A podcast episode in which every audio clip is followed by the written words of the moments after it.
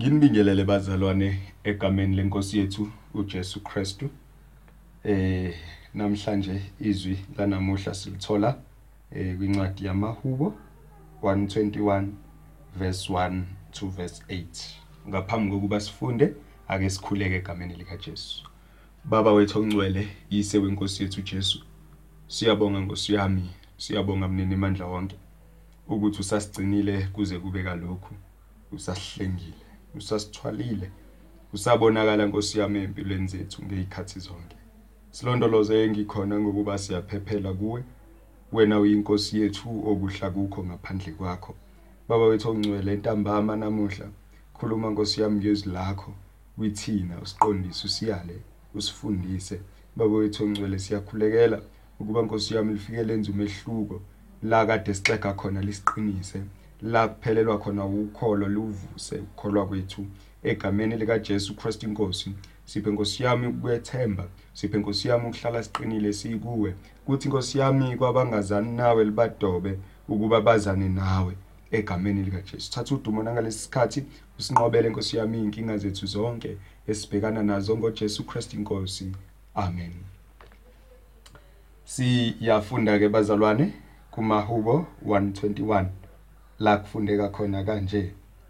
Ngiphakamisela amehlo ami ezintabeni. Usizo lwami luvelaphi na? Usizo lwami luvela kuJehova owenzile izulu nomhlaba.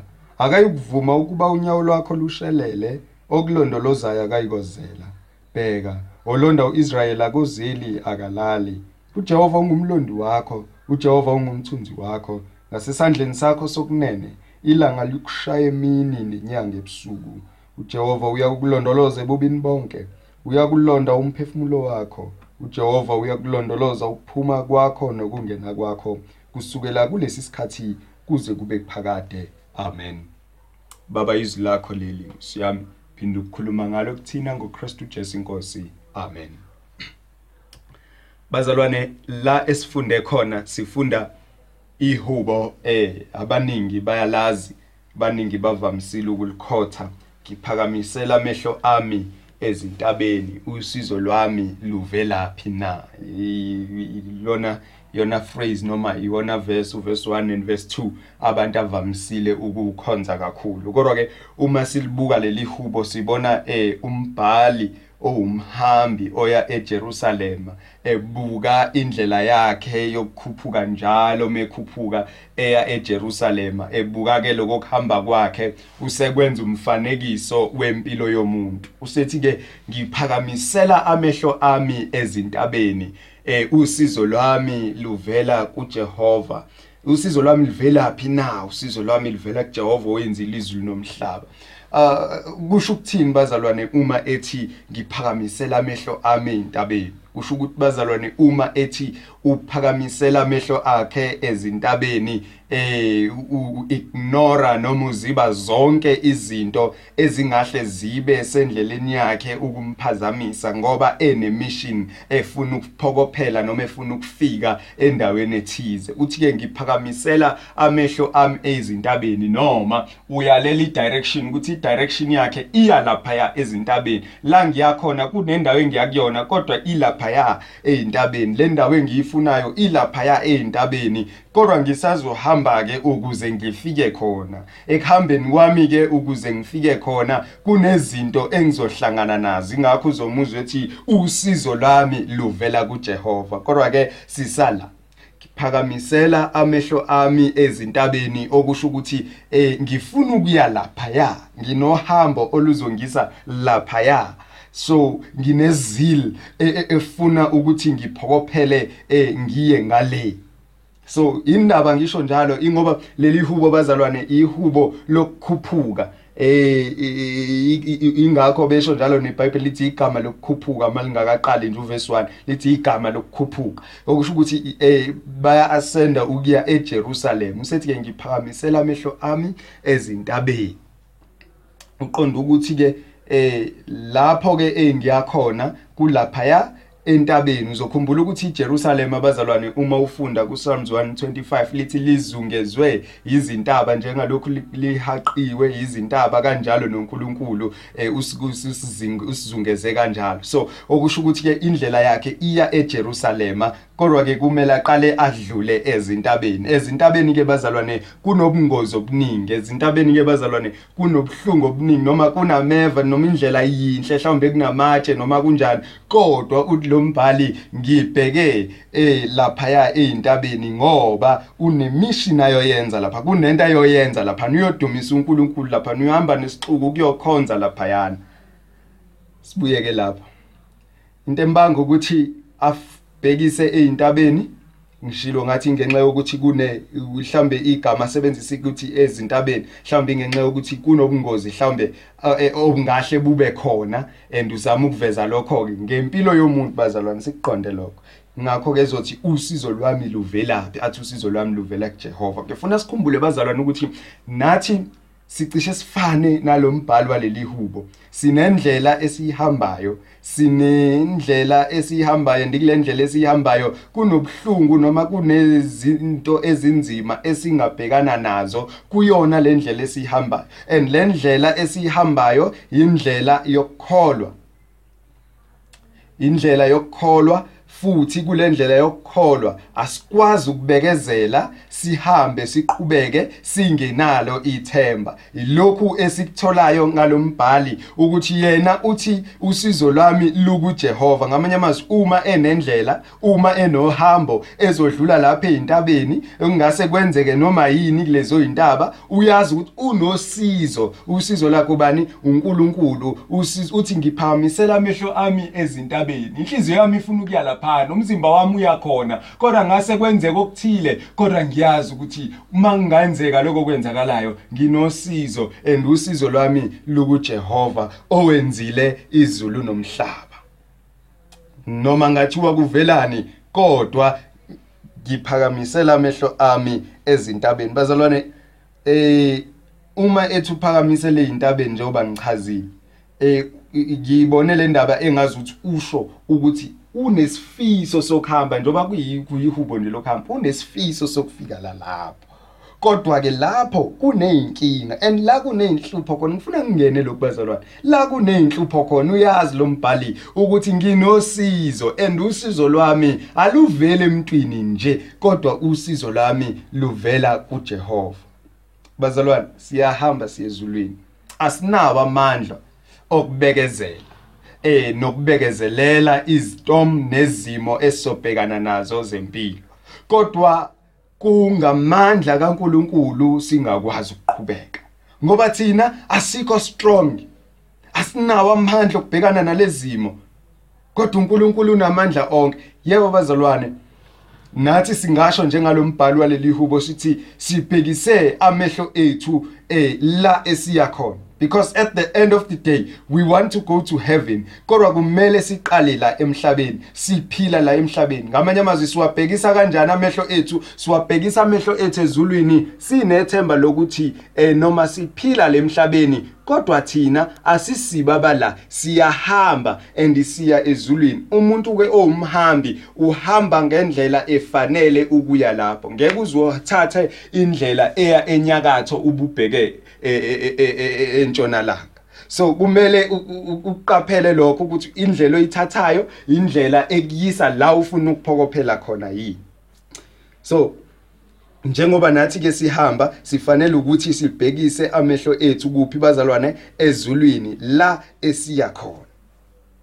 Yebo amehlo ethu noma ebhekile ezulwini asazi ukuthi eh kuzoba khona inkinga esibhekana nazo. Ngoba siyapi ezulwini endusathana kafuni siyephi ezulwini? Kwabanye kuyokuba yini? Kuyokuba ipersecution. Kwabanye kube ukugula. Kwabanye kube ithorture siyohlukumezeka eh ngenxa yokuthi sinohambo olubheke ezulwini and kunomuntu oyisitha olwa nathi ukuthi uhambo lwethu lungaphumeleli. Kunomuntu oyisitha ongafuna ukusibona. Siya la sifanele noma sihamba ngalendlela esifanele. Le ndlela esihamba inamatshe le ndlela esihambayo inameva le ndlela esihamba inobungozi. Kodwa sifanele ukuyihamba ngoba iphelela entokozweni enkulu. Siyezwana nani bazalwane?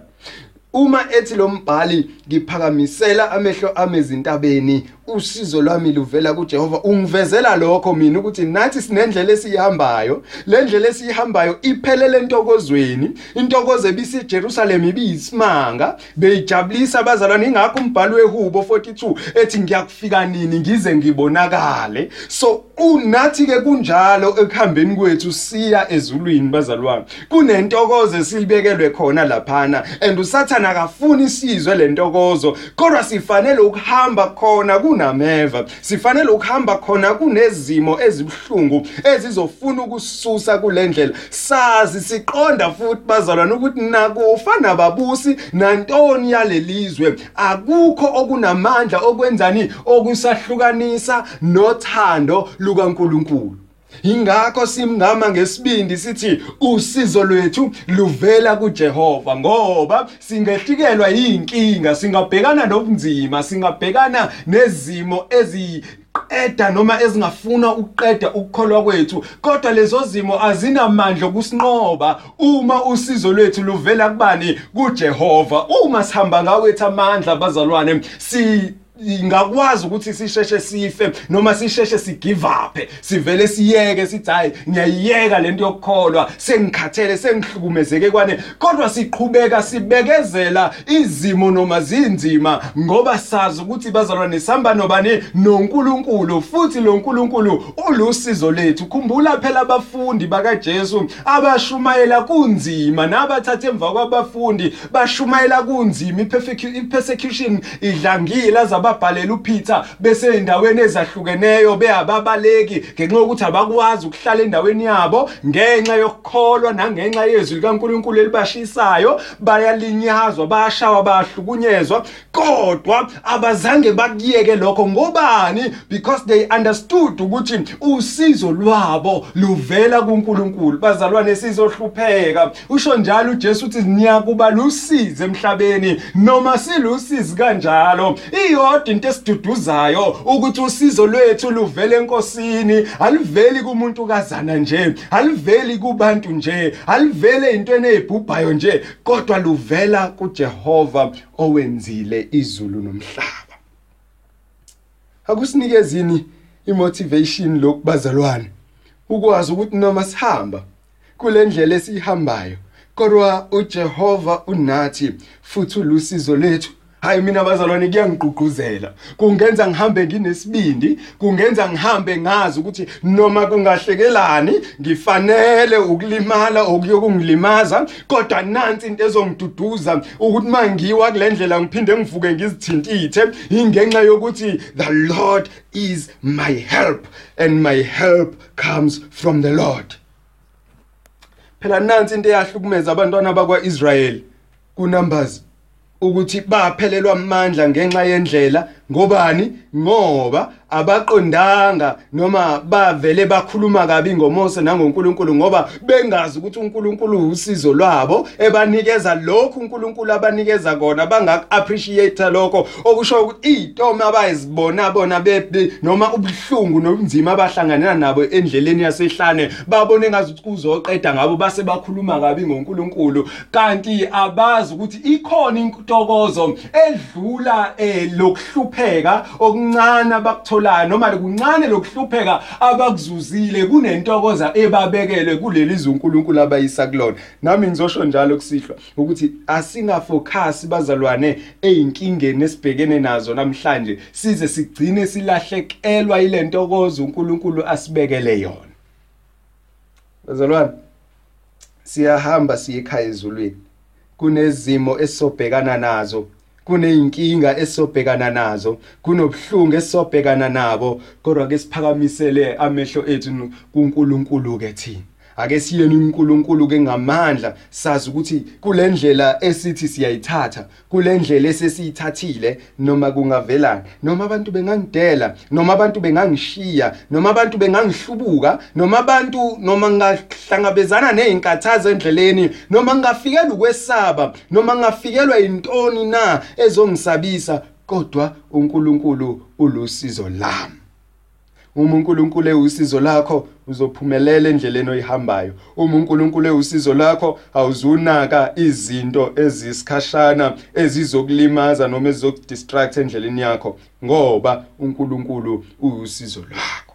Abanye ke bazalwane bathola usizo ezintweni ezibhubhayo abanye bathola usizo ezintweni ezingalasting unaphakade kodwa uthi lo mbhali boldly uthi usizo lami luvela kuJehova. Unale confident ngoNkulunkulu wakhe ukuthi ulisizo lwami. uNkulunkulu wami uyinduduzo yami. uNkulunkulu wami uza kungiphumelelisa uzongisiza nasendleleni eh, eh ngophumelela futhi ngaye. Ngoba uselibonile usizo lithi mhlambe ke eh, lo mbhalo wayengakaliboni lolu sizo kodwa thina we are so privileged. Ngoba sesilibonile usizo oluhle kunosizo olunye lokuthi sithe sisendleleni esihogweni sithe sisendleleni efayo kodwa uNkulunkulu wasisiza wasilanda ukuthi sibe ngabantu noma ngabantwana bakhe ngokusithumelela uJesu Kristu owafa endleleni yethu. Now lokho ke kusenza sibe ngabantu abane aim abantu abane vision abantu abane mission ukuthi thina sifuna ukuye ekhaya ezulwini. Ngakho imnako yalelizwe ayizukuba namandla and siye ekhaya sohlaseleka yebo. Kodwa ithemba lethu lukuye oqalile no ongumqalisi nomphelelisi wokholo lwethu onguJesu Kristu.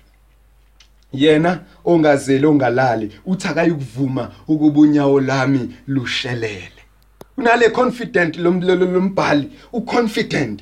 Ukuthi uNkulunkulu wami uzokungivikela eh ilanga likungishaya emini inyanga yikungishaya ebusuku. Okusho ukuthi noma zingavela lezi zinto azizuqeda ngami. Noma ngoba uJehova ungumthunzi wami uJehova uyanginakekela. Yini emenza ukuthi abe nalesiqiniseko nje? Sengishilo bazalwane ukuthi yingoba uyazi ukuthi ithemba lakhe aliqhamuki kumuntu kazana nje. Uyazi ukuthi ithemba lakhe aliqhamuki kwi-historical figure abantu abayibekile emphakathini mhlambe bayisabayo noma beyake yabasiza ngento ethile cha kodwa luvela kuNkulunkulu onamandla. Usho njalo phela abazalwane uthi usizo lwami luvela kuJehova owenzile izulu nomhlaba. Ingakho ke nalesiqiniseko sokuthi eh ngizohamba ngiphumelele ngifinyelele kule ndlela ngoba kayikuvuma unyawo lami lushelele ngoba ubani lona? uJehova onamandla onke.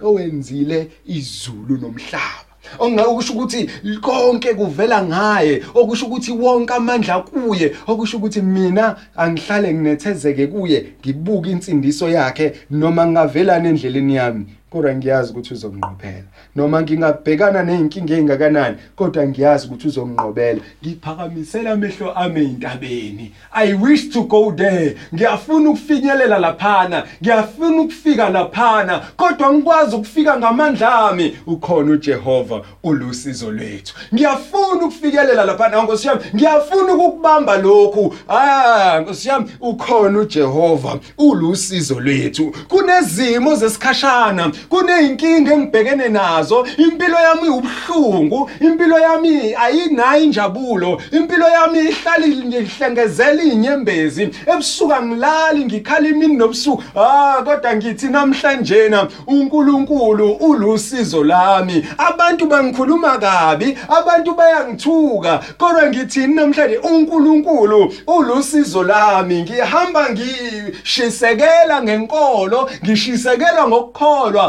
Abantu bathi awubheke lona yini ungaze uzikhathaza umncane ah nkosi yami ingoba uNkulunkulu ungusizo lami. Lento le iyangihlupha. Angikwazi ukuhlala angikwazi ukuthula angikwazi ukuphila njengabantu bonke ngoba mina ngiyaqonda ukuthi uNkulunkulu ulusizo lwami. Noma abantu bengatatshazela ngenxa yezimo abazibonayo abantu basabe ngenxa yezinto abazibonayo kodwa uma ngiphethe uNkulunkulu onamandla kangako wenza izulu nomhlaba ogcina iqiniso kuze kube phakathi kweinkosi yamakhosi ohlezi ehlalweni sobukhosi ozithoba ukubuka phansi ngiyakusabana ngiyakusaba ntoni na? Owanqobela ukufa wabetshatha ubuhlungu bami ukuze mina ngiphile. Ukuthi nangemvimbo yakhe mina ngiphilisiwe. Nakuba nakuba nasifo nasini esingabalwe emagazini asikuba namandla phezulu kwempilo yami ngoba ngemvimbo yakhe ngiphilisiwe mina. Ngizosabani? uNkulunkulu usizo lami. uNkulunkulu ufika la abantu bengasakwazi ukukusiza khona. Izinto zasemhlabeni zingasakwazi ukukusiza. Izinto eziyamathemba abantu zingakwazi ukukusiza. Afika kusize uxakeke ukuthi kanjani? Kanti ingenxa yokuthi ungamandla ungumnini mandla onke. Bazalwane ngiyathandaza manje kodwa nakho engizokusho usizo lwami luvela lika usizo lwami luvela kuJehova owenzile izulu nomhlaba. Olwakho luvelaphi na? Olwakho luvelaphi na? Themba kuJehova wami namandla ukukophula kuyona yonke into ongabhekana nayo. And akekho umuntu onamandla ukukususa esandleni sikaNkuluNkulu ngoba laba ababizileyo akekho namandla okubasusa ecebeni lakhe. Sikhuleke. Baba wethu ongcwele yise wenkosi yethu uJesu siyabonga ukwazi ukuthi wena ulusizo lwethu. Siyabonga ukwazi ukuthi wena uyinqaba yethu. Siyabonga ukwazi ukuthi siyakwazi ukuphephela kuwe. Siyabonga ukwazi ukuthi siyahlengwa nguwe. Egameni lika Jesu Christ inkosi hlala nathi namhlanje usithwale. Silondoloze inkosi yami usigcine. Sipha amandla inkosi yami. Okubekezela sazi ukuthi inkosi yami impela sisizwa nguwe. Hlala nathi ke sigcine silondoloze njalo ngoJesu Kristu inkosi ngokuba siyaphephela kuwe. Wena uyinkosi yethu okuhla kukho ngaphandle kwakho Nkosi yami. Siyabonga thatha udumo nangalesi sikhathi ube nabazalwane ubavikele ubathwale ubalondoloze ubaduduze Nkosi yami ezinkingeni ababhekene nazo. Abanye bashiwe izihlobo zabo bathwale egameni lika Jesu bakhombise Nkosi yami amandla akho insuku zonke. Baba wethu onamandla onke bavikele njalo abantwana bakho. Abanye Nkosi yami baneyinkinga uNkulunkulu wethu ongcwele abazi bazohlanganisani nani. Nkosi yami abanye basaba imisebenzi yabo ingahle iphele kulesimo esibhekene naso. Baba yiba impendulo kubo egameni lika Jesu gcina abazalwane bakho bephephile gcina abantwana bakho ngosiyami ubalondoloze. Njengoba esho umbhali waleli hubo ukuthi wena unguzogcina ukuphila kwethu kulondoloze nangalesi sikhathi ngosiyami hlala nathi. Sivikele usithwale usenze sibe ngabofakazi bakho. Regardless ngosiyami izinto esingabhekana nazo sikuthembe sikukhonze. Njalo sifakaze ngawe ngoba wena uyinkosi yethu. Phakamaye nangalesi sikhathi uvikele nabazalwane abanye bayagula. uNkulunkulu wethu ongcwele baphulukise labe khona egameni lika Jesu baphe inkosi yami injabulo. Ibani ngamunye ngamunye usigcine usikhumbuze ukuthi induduzo yethu ephelele ivela kuwe. ngoJesu Kristu inkosi nangalesi sikhathi ngiyakhuleka. Thatha udumo nenkazimulo kusukela manje kuze kube kuphakade. Amen. Samukela umusa Musa wenkosi yethu Jesu uthando lwaNkulunkulu Baba inhlanganyela kaMongcwele makube nathi sonke kusigcina ukusilondoloza zafika uJesu Kristu inkosi yethu. Amen.